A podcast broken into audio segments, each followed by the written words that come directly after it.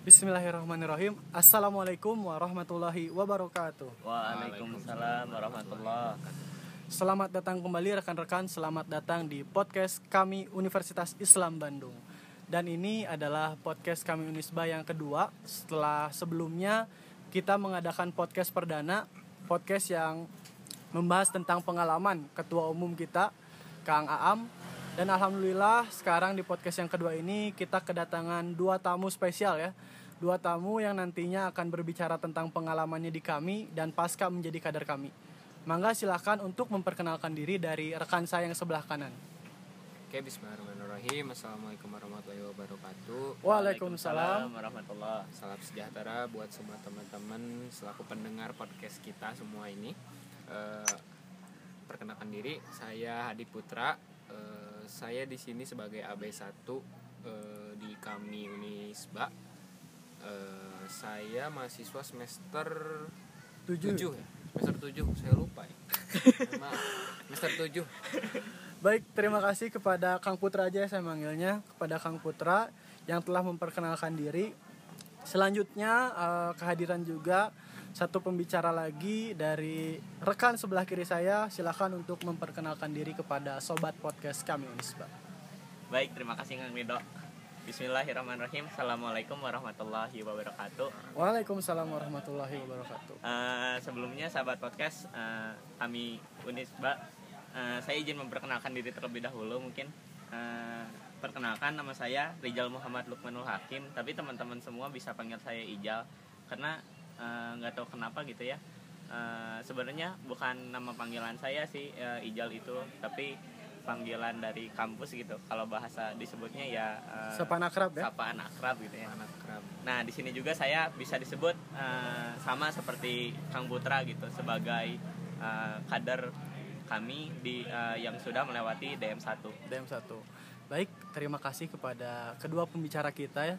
Kang Putra dan Kang Ijal ya, sapaan akrabnya. Karena sapaan akrab saya sendiri itu Kang Rido ya di kampus walaupun nama panjang saya ini adalah Muhammad Ridha Arsi. Jadi macam-macam kalau kita membahas nama sapaan akrab entah Rido, Ido, macam-macam lah. Cuman baik lagi tadi ada ada poin yang memang tersampaikan bahwa keduanya adalah kader kami Unisba dan menyebutkan kader AB1 ya. Sebelumnya saya jelaskan dulu karena saya sendiri adalah eh, ketua departemen yang diberikan amanah dari 2020 hingga 2021 nantinya bahwa kader AB1 itu adalah kader kami Unisba yang telah melewati masa DM1 seperti itu ya. Jadi DM1 itu mungkin bisa dijelaskan ya sama Kang Putra kepanjangannya apa buat DM1? DM1 itu Daurah Marhalah 1. Daurah marhala 1 gitu. Nah, jadi eh, sobat podcast kami Unisba, kalau kita membahas tentang Daurah marhala 1 berarti itu adalah tahapan awal teman-teman mahasiswa baru menjadi kader kami Unisba. Oh ya, dan bukan mahasiswa baru aja. Jadi bisa mahasiswa Unisba angkatan 17, 18, 19, 20 yang memang ingin bergabung, ingin bergabung ke kami Unisba. Jadi harus melewati DM1, Daurah Marhala 1. Nah mungkin dari kedua pembicara eh, pada podcast yang kedua kali ini memiliki ceritanya masing-masing mungkin ya, memiliki pengalamannya masing-masing. Nah kalau untuk berbicara tentang DM1 itu biasanya diadakan ketika eh, hadir mahasiswa baru entah di tahun ajaran 20, 21 dan seterusnya. Nah mungkin saya ingin bertanya nih kepada eh, Kang Putra entah pengalamannya lalu DM1-nya di mana mungkin bisa diceritakan kepada sobat podcast kami Unisba. Silahkan Kang Putra. Oke, bismillah. Mungkin kita sapa pendengar ini sobat aja kali Sobat, ya biar biar mantap lebih akrab gitu. ya. Oke, Mantap. jadi gini sobat eh, sedikit sharing aja lah dari saya gitu se- apa namanya. Jadi mungkin saya pengen jelasin dulu lah eh, awal mula saya punya niat gitu Bergabung dengan kami. bergabung dengan kami ikut jadi anggota AB1 jadi sebenarnya saya eh, apa ya saya pada saat mahasiswa baru itu justru belum mengenal kami gitu. Belum mengenal apa belum, Belum. tertarik? belum mengenal Belum sama mengenal sekali, ya. gitu ya saya belum Oke. pernah mendengar namanya organisasi kami namanya saya belum saya dulu jadi mahasiswa biasa aja gitu datang ke kampus kuliah pulang aja nggak tahu organisasi apa ya. Kupu-kupu. Kupu-kupu. Kupu-kupu. Kuliah pulang, kuliah pulang. kuliah pulang kuliah Siap. pulang gitu Lanjut Kang. eh, apa namanya merasa selama satu tahun saya menjadi mahasiswa kupu-kupu eh, artinya di situ ada sisi saya tuh bosen gitu kupu-kupu. Apa sih gitu? Saya jadi kuliah ini mau nyari apa? Betul. Artinya kuliah ini kan pendidikan paling terakhir lah gitu. Istilahnya eh, setelah kuliah itu udah nggak ada pendidikan lagi gitu. Artinya saya pengen kuliah itu selain hanya mendidik secara akademis secara ilmu di kelas tapi saya juga pengen ada ilmu yang saya dapati di luar kelas gitu salah satunya di organisasi ini di kami Hmm. gitu AB1 nah cuma kebetulan karena mungkin saya apa ya istilahnya mulai menyadarkan diri kalau saya itu butuh organisasi itu Benar. telat artinya saya ikut eh, rangkaian kegiatan AB1 pun bukan di Unisba dan juga setelah berapa tahun ke depannya? Dua tahun lah. Dua tahun 2000 setelah menjadi mahasiswa baru. Oh enggak. Ah, iya dua, dua tahun 2019 saya bulan Oktober kalau nggak salah. Saya lupa oh masih ingat berarti ya? Saya masih ingat saya bulan Oktober. Saya itu ikut di eh, DM1 di komisariat UIN. UIN UIN Universitas Bandung. Islam Bandung. Universitas eh salah. Oh Universitas Islam Negeri. Ya Universitas Atau- Islam Negeri eh, Bandung. ya siap. Sunan Gunung Jati. Nah dekat Cibiru berarti ya? Betul nah eh, saya di sana ikut terus saya ngikutin rangkaian kegiatan di sana. Alhamdulillah saya apa ya mungkin karena ini udah niat awal yang baik saya pengen punya ada perubahan lah ingin ada perubahan dalam diri ya? Itu saya ingin ada perubahan dalam diri. Artinya pada saat saya ikut kegiatan di sana saya enjoy banget gitu. Eh, nggak ada bosannya sama sekali nggak ada jenuhnya sama sekali gitu terus ketika di sana pun saya justru dapat ilmu baru gitu. Di luar ilmu tentang kemahasiswaan dan juga di luar tentang ilmu eh, kependidikan. Di sana diajari tentang ilmu tentang keagamaan gitu. Nah tapi bentar nih Kang Putra saya potong sedikit. Tadi menarik ya kalau Kang Putra ini peserta DM1 di Komisariat Universitas Universitas Islam Negeri ya di UIN yang jelas eh, diadakannya berbeda dengan kami Komisariat Unisba. Nah jadi saya jelasin dulu bahwa DM1 ini bisa di bisa diikut sertakan di mana pun komisariatnya entah di kampus Unisba, entah di kampus UIN, Polban. Yang terpenting di setiap kampus itu memiliki komisariatnya masing-masing. Namun setelah di DM kan di kampus yang berbeda, tetap setelah menjadi kader kami eh, setelah melewati DM1 kembali ke komisariatnya masing-masing. Jadi Kang Putra ini eh, saya ingin bertanya kepada Kang Putra, kenapa DM satunya bisa di UIN? Apakah eh, di Unisba itu telat tidak mengikuti DM 1 di Unisba langsung ke UIN? Apa ingin di UIN karena banyak teman kayak gitu pertanyaannya? Eh, justru kalau seingat saya dulu kalau nggak salah tuh jarak tanggal mulainya DM1 di kami Win Bandung sama kami Unisba itu berjarak dua minggu tiga minggu ya Oh perbedaannya ya? bedanya segitu ya. lebih dulu Win Oh, lebih dulu UIN. dibanding Unisba Berarti Kang Putra ini ngebet banget ya Ngebet pengen banget, jadi sumpah. kader Kang. Wah pengen ngebet mantap. banget pengen cepet-cepet Oh, is- biar jadi keren ya jadi masih jadi Iron Man. wah enggak jadi amang oleh eh, enggak. Oh, jadi ini saya pengen cepet-cepet lah gitu pengen cepat-cepat gitu. eh, berorganisasi. Tuh. Mungkin siap dicukupkan dulu ya eh, apa yang udah disampaikan ataupun pengalaman yang sudah disampaikan Kang Putra mengikuti DM1. Nah, saya ingin bertanya nih supaya ada perbedaan. Kang Ijal mengikuti DM1-nya di mana dan kapan? Kayak gitu, Kang.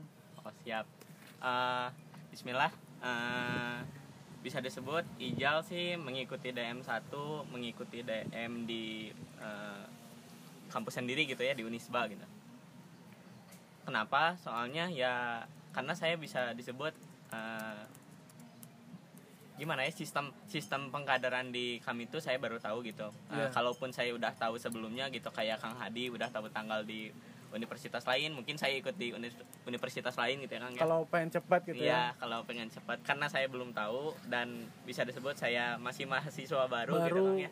Jadi langsung Jadi, ikut ya waktu ya. jadi maba kalau Kang Putra ini kan jaraknya 2 tahun ya. Mm, ya gitu.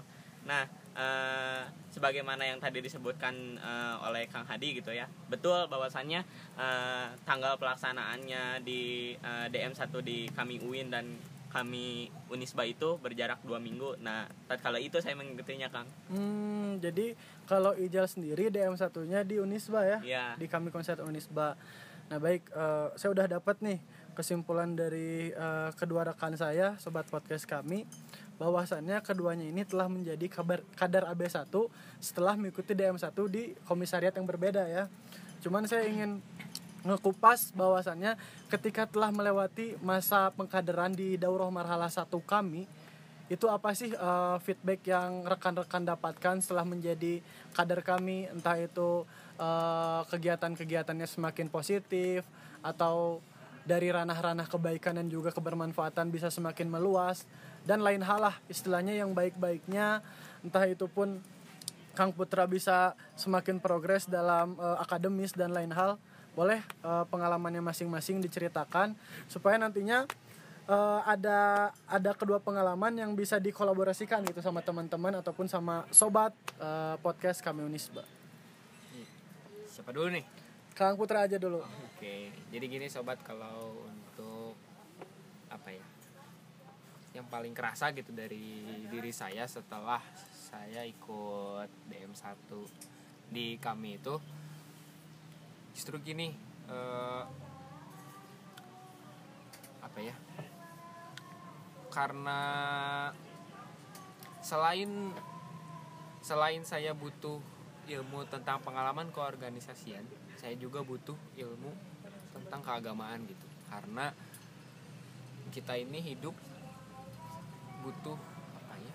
Butuh penyegaran diri kerohanian, Butuh penguatan ya. penguatan kerohanian lah gitu istilahnya. Ruhiyah ya. Ruhiyah gitu kalau bahasa Arab. Saya bukan ahli Arab, Pak Bos.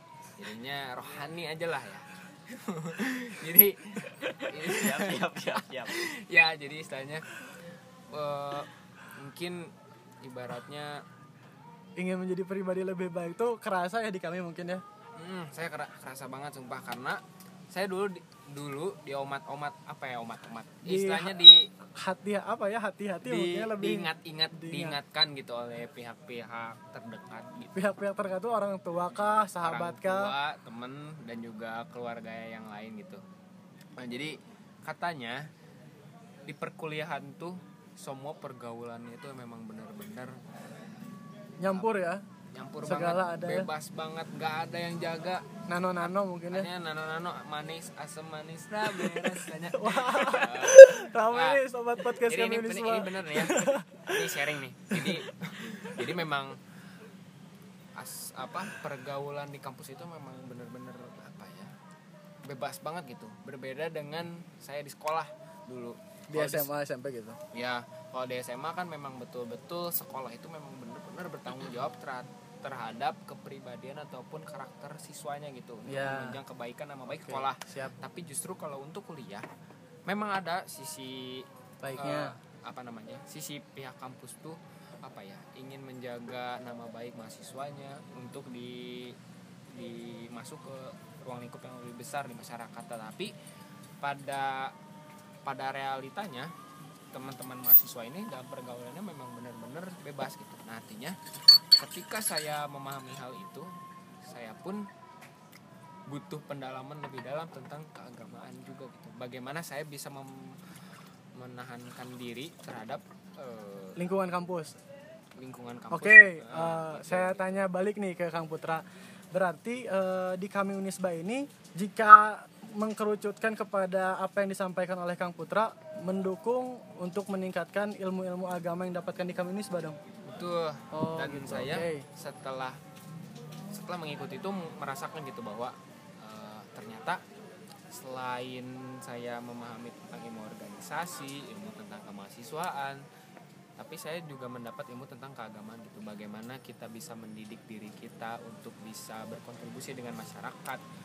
Tetapi kita juga tidak melupakan eh, bagaimana kita bersikap eh, kepada masyarakat dengan membawa nilai-nilai agama Islam yang lebih baik lagi gitu. Mantap, sobat podcast. Keren banget nih apa yang disampaikan oleh Kang Nah, Putra ya. Jadi karena apa? Karena kita ini mayoritas muslim ya mayoritas muslim karena slogan dari kaminya sendiri adalah muslim negarawan muslim negarawan sepenuhnya untuk Indonesia Indonesia oke Eh, baik sepertinya sangat menarik ya ini pengalaman yang diceritakan oleh Kang Putra setelah menjadi kader kami. Ya nah mungkin dari Kang Ijal mungkin ada yang berbeda entah eh, mengambilnya dari sisi apa.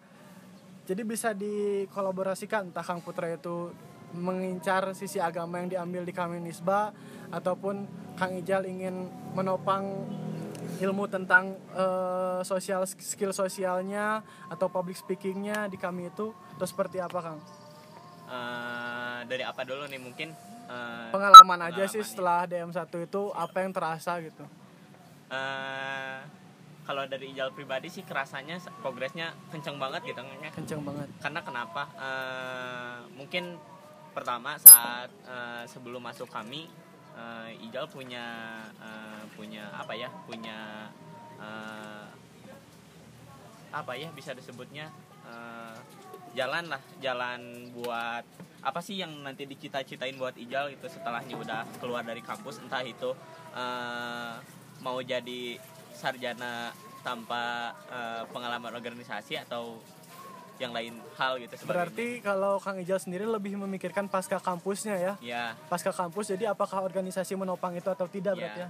Lanjut Kang. Nah, eh, karena kenapa eh, Ijal masuk kami itu sendiri, ya Ijal bisa disebut eh, mendapat dukungan dari orang tua sendiri gitu ya. Karena eh, hampir sama sih kayak eh, kata Kang Putra bahwasannya eh, dunia kampus itu nggak kayak udah SMA, eh, SMP, SMA gitu ya Kang ya, yang gitu-gitu aja. Tapi ternyata ya bisa disebut eh, lebih serem gitu ya Kang ya. Entah Perbedaannya di mana-mana gitu ya. ya perbedaannya di mana-mana entah itu eh, di pergaulan malah sampai ke ideologi ya kang ya Ideologi Iya. itu ngeri sih kalau udah bahas ideologi Nah. semua orang. makanya eh, di situ Ijal bisa disebut eh, ah eh, Ijal bisa eh, harus nyari nih tempat di mana ya passion Ijal ada di situ Eh, dan salah satunya setelah pencarian eh, Yang panjang mungkin. yang panjang begitu lama gitu ya setelahnya milah-milah dan eh, mencari keun- eh, keuntungan apa yang bakal nanti saya dapatkan dan apa yang nanti saya akan berikan kepada satu organisasi itu Betul. eh, dapatlah eh, udah jadi eh, bisa disebut eh, ketertarikan saya terhadap kami itu muncul di situ ya Matang mungkin ya Iya, setelah mendapatkan informasi tentang Iya. kami, taunya oh ini satu passion, satu visi dan sama Ijal sendiri ya gitu ya. ya betul nah mungkin eh, setelahnya DM1 mungkin eh, pengaruhnya bagi saya apa eh, yang pertama eh, setelahnya saya DM1 saya merasakan progres yang sangat eh, Cepat.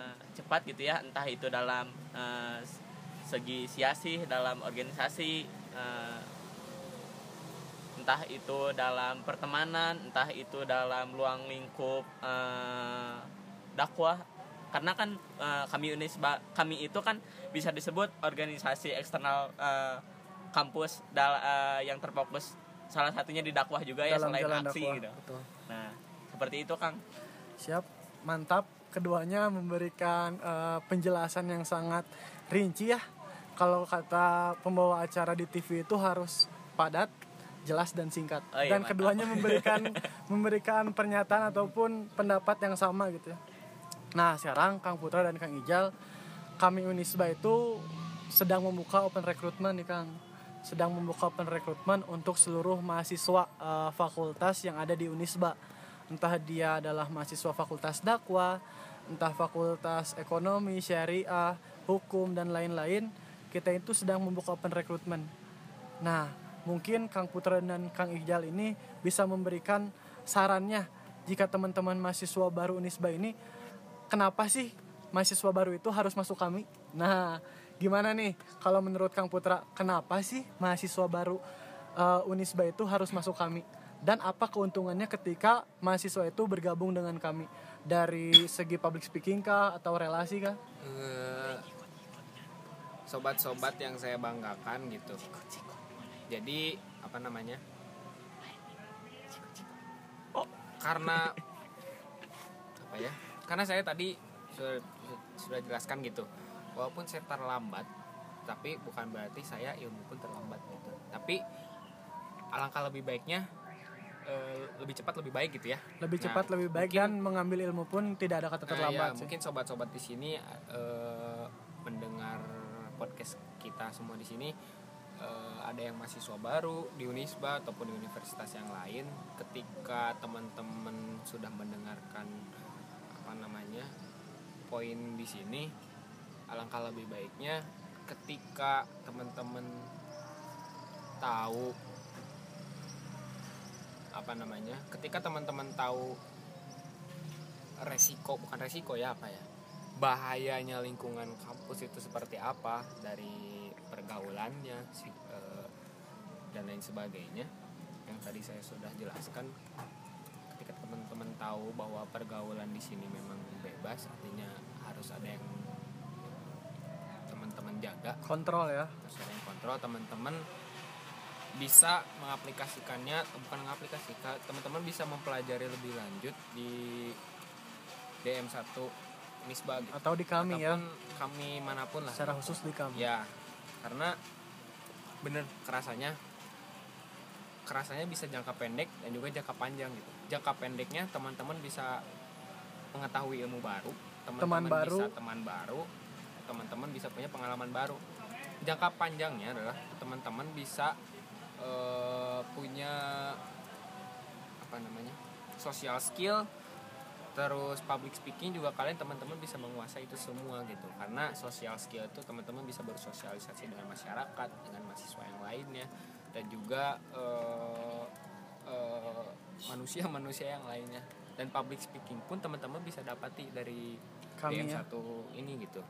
Teman-teman bisa bicara lantang di depan semua orang.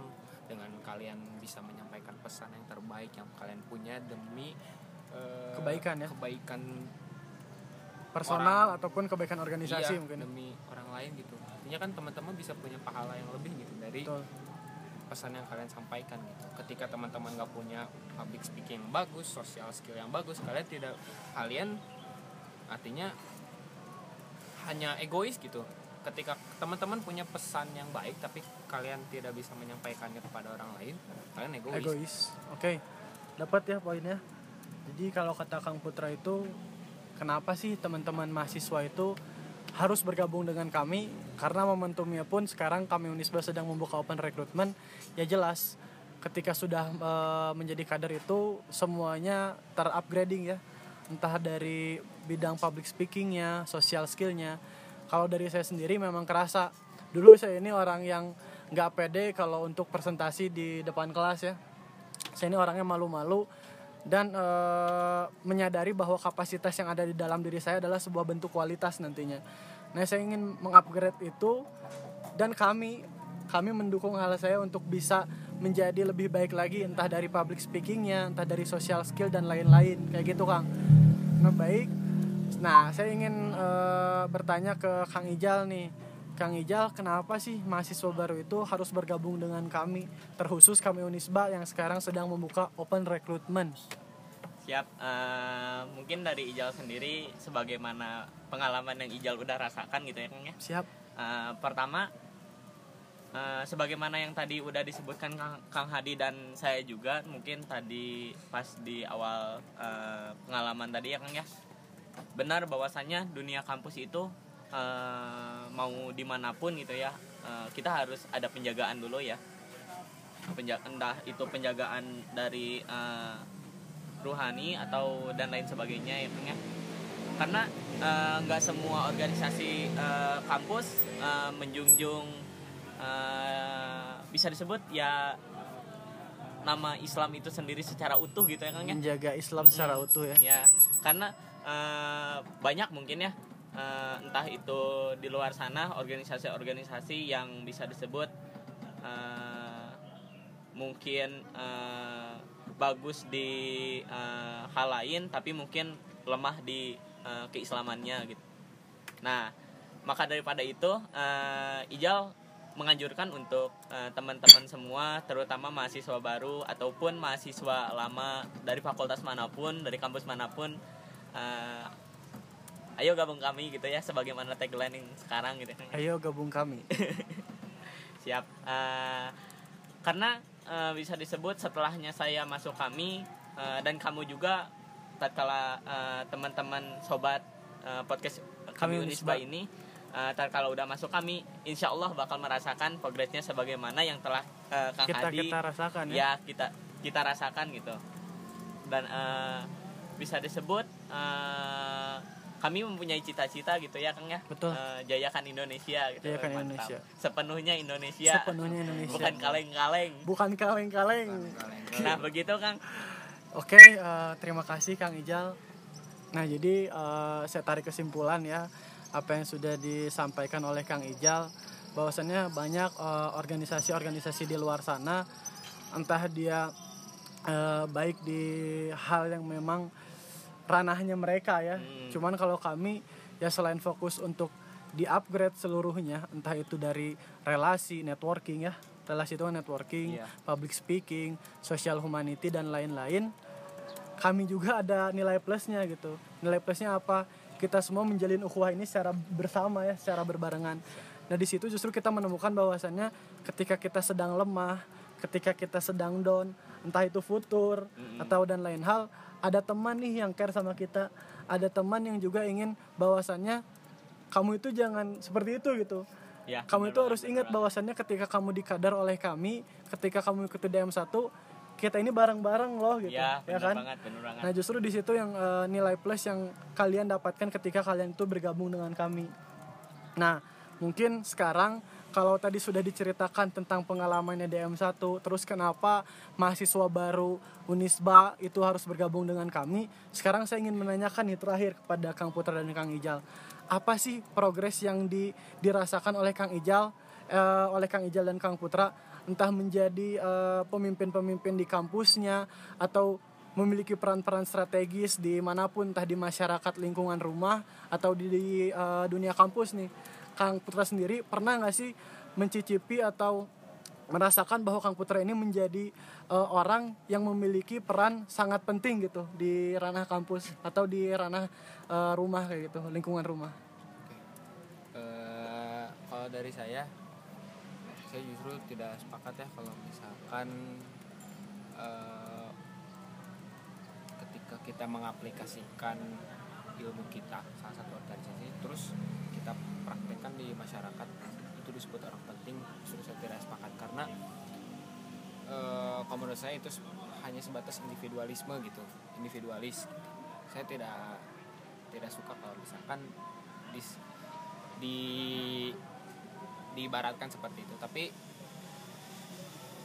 ini kan belajar bersama gitu. Dan tapi eh, karena balik lagi di ilmu kami itu dijelaskan bahwa kita ini perlu pendalaman tentang keislaman iya. Itu harus jadi nomor satu gitu. Kedua kita secara mahasiswa kita harus bisa eh, paham gitu tentang eh, pergerakan di kampus gitu. Dan alhamdulillahnya ketika saya punya ilmu baru di tentang keislaman dan kemahasiswaan ini alhamdulillah saya dapat amanah dari teman-teman fakultas dakwah gitu. Untuk saya eh, menjabat di ketua BEM Fakultas Dakwah periode 2019-2020 nah dari situ saya memberikan hasil apa ya ilmu yang saya dapatkan di kami itu tentang keislamannya saya pengen teman-teman BEM ini menjaga hal itu supaya jalannya organisasi ini tetap berjalan dengan baik dan benar gitu. Dan ketika karena saya mahasiswa artinya saya juga ada kewajiban untuk mengaplikasikan tugasnya mahasiswa yaitu sesuai Tridharma perguruan tinggi. Mantap. Yaitu mengaplikasikan apa namanya eh, kehidupan mahasiswa itu ke masyarakat gitu. artinya BEM ini bergerak salah satunya di lingkungan kampus dan juga di luar kampus gitu. Ketika kita bisa mengamalkan nilai nilai keislaman yang bisa kita miliki dan diaplikasikan di organisasi dan juga disampaikan lagi kepada masyarakat masyarakat itu insya Allah dapat nilai plus yang lebih gitu. Hmm, dan itu adalah ketika kita mendapatkan pahala dari apa yang kita sampaikan ke teman-teman masyarakat nanti itu menjadi manfaat jangka panjang yang kita dapati setelah masuk kami gitu. intinya eh, ya itu baik baik lagi gitu ketika kita punya ilmu tapi kita nggak menyampaikan kurang egois ya egois gitu. oke siap Ya. berarti jelas ya teman-teman ataupun sobat podcast kami Unisba ini Kang Putra setelah menjadi kader kami itu bisa bisa kelihatan ya progresnya menjadi ketua BEM di Fakultas Dakwah periode 2019-2020 dan juga tadi disampaikan ataupun eh, memaparkan tentang Tridharma perguruan tinggi. Nah ini seluruh mahasiswa wajib tahu ya Tridharma perguruan tinggi itu apa. Nah tadi tidak sempat tersampaikan bahwa Tridharma perguruan tinggi itu pendidikan dan pengajaran yang pertama, kedua adalah penelitian dan pengembangan, dan yang ketiga adalah pengabdian kepada masyarakat. Tentunya ini sangat berhubungan ya ketika kita sebagai mahasiswa sudah mengenyam ilmu-ilmu yang ada di bangku kuliah. Nah, ada ada aspek yang di mana teman-teman mahasiswa itu harus memberikan feedbacknya gitu. Feedbacknya apa? Pengabdian kepada masyarakat. Tapi sebelum teman-teman mahasiswa ini mengabdi kepada masyarakat, seharusnya ada bekal gitu di sana. Ada bekal yang memang menjadi sebuah kualitas yang nantinya teman-teman mahasiswa baru ini eh, bisa untuk menyampaikan kepada masyarakat. Apa sih? Nah, di situ adalah penelitian dan pengembangan. Penelitian dan pengembangan ini kawan-kawan harus matang sehingga nantinya ini menjadi eh, sebuah eh, pokok yang memang menjadi penopang kawan-kawan mahasiswa mahasiswa sebagai eh, suatu ini ya apa namanya eh, social control ya social. control. Jadi teman-teman mahasiswa ini bisa mengontrol bahwasannya eh, kemasyarakatan yang ada di rumah atau di ranah kampus itu teman-teman mahasiswa ada nih di belakang seluruh masyarakat Indonesia. Kayak gitu teman-teman. Atau sobat podcast kami Unisba. Kalau dari Kang Ijal gimana nih Kang?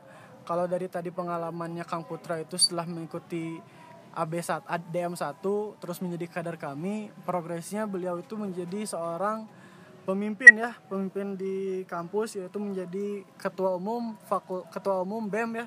BEM Fakultas Dakwah periode 2019-2020 kalau Kang Ijal kalau Kang Ijal sendiri apa nih pengalamannya setelah mengikuti DM1 dan menjadi kader kami? Baik eh, setelahnya mungkin bisa disebut eh, alhamdulillahnya gitu qadarullah saya masuk eh, kami dan melaksanakan DM1 gitu ya. Karena kenapa? Eh, setelahnya saya eh, mengikuti DM1 itu sendiri.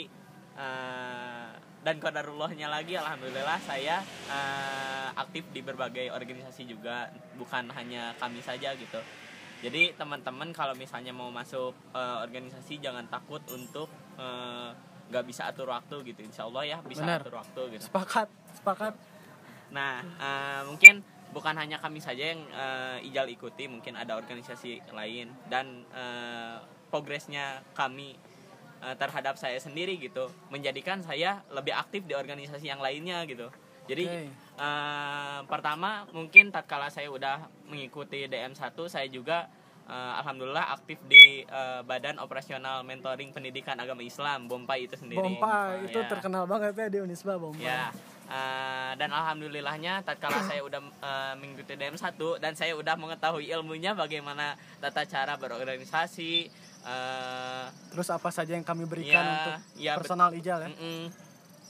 pokoknya mah dapat keuntungan banyak gitu sehingga menjadikan eh, saya diamanahi menjadi koordinator eh, angkatan 2019 di Bompai itu sendiri. Oh, Ijal jadi koordinator seluruh Ya, angkatan. Ya, eh enggak 2019. Oh, angkatan 2019 Ya, Ijal betul. koordinatornya. Ya. Masya Allah, Ah, mantap nih Kang. Eh, mantap ini lebih mantap deh mungkin eh, bukan hanya di Bombay saja gitu dan alhamdulillahnya juga saya bisa disebut aktif di organisasi-organisasi lain salah satunya komunitas di Unisba itu sendiri mungkin teman-teman juga tahu eh, Unisba inspiratif gitu. Unisba inspiratif. ya alhamdulillahnya saya eh, masuk Unisba inspiratif tahun dua- eh, 2019 dan diamanahi juga jadi ketua eh, bisa disebut kalau di Unisba Inspiratif itu disebutnya presiden Kang. Oh, Presiden. iya, Bapak Bapak Ya, Bapak. Ijal Bapak Ijal. Bapak Jokowi Oh Ijal juga sekarang Ijal. diamanahi sebagai Presiden, Unisba Presiden Inspiratif. Unisba Inspiratif ya. Ya. kan presiden gitu Nah, Nah, gimana Kang? Nah, di situ juga eh, apa ya bisa disebut kebermanfaatannya saya masuk eh, kami dan melaksanakan DM1 eh, bisa disebut apa ya keuntungannya gitu ya Kang ya. Keuntungan feedback ya Keuntungan yang diberikan kami. eh, dari berbagai macam eh, pelatihan yang udah dilaksanakan di DM1 itu sendiri gitu. Menarik nih Jal kalau membahas Ijal menjadi presiden di Unisba Inspiratif. Karena eh, ah, saya sendiri angkatan 2018 ya. Ijal angkatan 2019 di Unisba. Saya tahu betul istilahnya perjalanannya Unisba Inspiratif gitu. Walaupun Ijal sekarang sekarang menjadi presidennya gitu. Iya, iya. Jadi founder Unisba Inspiratif itu kader kami juga kan. Iya, Kader, betul, betul. Pertama, beliau kader kami. Kedua, beliau juga pernah menjadi presiden mahasiswa Universitas Islam Bandung ya. Iya. Periode 2018-2019 yaitu Kang Priyo ya. Ya, betul. Mungkin udah nggak nggak jarang lagi untuk mengenal nama Kang Priyo ya. Wah beliau orang hebat lah di Unisba kayak gitu mungkin ya teman-teman betul, atau sobat podcast kami Unisba. Jadi pertama Kang Putra dan Kang Ijal ini menceritakan pengalamannya di DM1 ya. Kalau Kang Putra itu DM1-nya di UIN, Kang Ijal DM1-nya di komisariat rumah kita sendiri ya di Unisba. Terus eh, Kang Ijal dan Kang Putra ini menceritakan mahasiswa baru kenapa sih perlu untuk gabung kami kan kayak gitu. Nah, tentunya karena kita merasakan setelah menjadi kader kami banyak kebaikan yang bisa kita ambil di dalamnya sekaligus kita menebar kebermanfaatan secara luas tentu ilmu-ilmu itu kita dapatkan di kami dan kodarullahnya Allah memberikan kesempatan itu ya untuk kita semua nah di sini justru kita eh, bisa mengambil pesan bahwa Allah juga telah mentakdirkan Kang Putra, Kang Ijal, saya sendiri pun untuk bertemu dan berjuang bersama dalam kami Unisba ya terkhusus. Nah teman-teman, untuk seluruh mahasiswa baru, ini ada informasi menarik bahwasannya ketika uh, kami Unisba mengadakan open recruitment, kenapa sih teman-teman tidak memanfaatkan hal itu gitu ya? Betul Makanya banget, poin betul yang banget. poin yang akan saya sampaikan tegas, ayo gabung kami gitu, lebih cepat lebih baik lebih cepat lebih baik kayak Ya, gitu. Jangan ditunda-tunda. Jangan ditunda-tunda nggak baik. Nanti nyesel. nanti nyesel karena kebaikan itu kenapa sih harus ditahan gitu ya kan lebih baik ya gas lah kalau kalau anak muda itu jangan terlalu banyak memikirkan konsep tapi taktis aja gitu Nah, ya betul banget. ya kan nggak perlulah kita mematangkan strategi. Ya maksudnya strategi penting ya. Strategi penting. Cuman kalau ada peluang yang baik di depan ayolah manfaatkan. Gitu sobat podcast kami Unisba. Karena kenapa? Kang Ijal dan Kang Putra ini kelihatan gitu apa pro- progresnya ketika setelah menjadi kader. Sobat podcast juga akan mendengarkan ya apa yang tadinya sudah disampaikan oleh Kang Putra dan Kang Ijal Alhamdulillahnya sekarang kita ada di penghujung podcast kami Unisba. Terima kasih kepada Kang Ijal dan juga Kang Putra yang telah meluangkan waktunya untuk kita bisa bersua dan juga berbincang bersama-sama di sore hari ini. Asik senja. banget nih. senja senja, alhamdulillah Masya Allah Kang, Eh, berarti Kang Putra ini selain menjadi ketua B menjadi penyanyi senja juga. betul Oke, sobat podcast kami Unisba, terima kasih. Eh, sebelumnya saya ingin apa namanya memberikan informasi bahwasannya kami Unisba selain podcast nanti akan hadir juga kami Melodi. Kami. Kami Melodi itu eh, kami yang fokus di musikalisasi ya, teman-teman kadar kami yang memang bidangnya di musikalisasi entah itu puisi, bernyanyi, akustikan lah istilahnya anak-anak yang memang kekinian banget, positive vibes. Oh, Eh, iya. anak indie bisa kali ya Anak indie bisa. kopi senja Oke, eh, jazakumullah khairan kasiron teman-teman sobat podcast kami Nisba. Semoga sehat selalu. Teman-teman jaga kesehatan ya, jangan lupa pakai masker, jangan lupa cuci tangan di masa-masa pandemi. Sebelum ditutup, kita sama-sama eh, mengucap eh, hamdalah dan juga istighfar sebanyak-banyaknya Alhamdulillah. dan doa kifaratul majlis subhanakallahumma wa bihamdika asyhadu an la ilaha illa anta astaghfiruka wa atubu ilaik. Ilaik. Muslim, negarawan negarawan, Muslim. Muslim negarawan, Spirit kebangkitan Indonesia. Allahu. Akbar. Wassalamualaikum warahmatullahi wabarakatuh.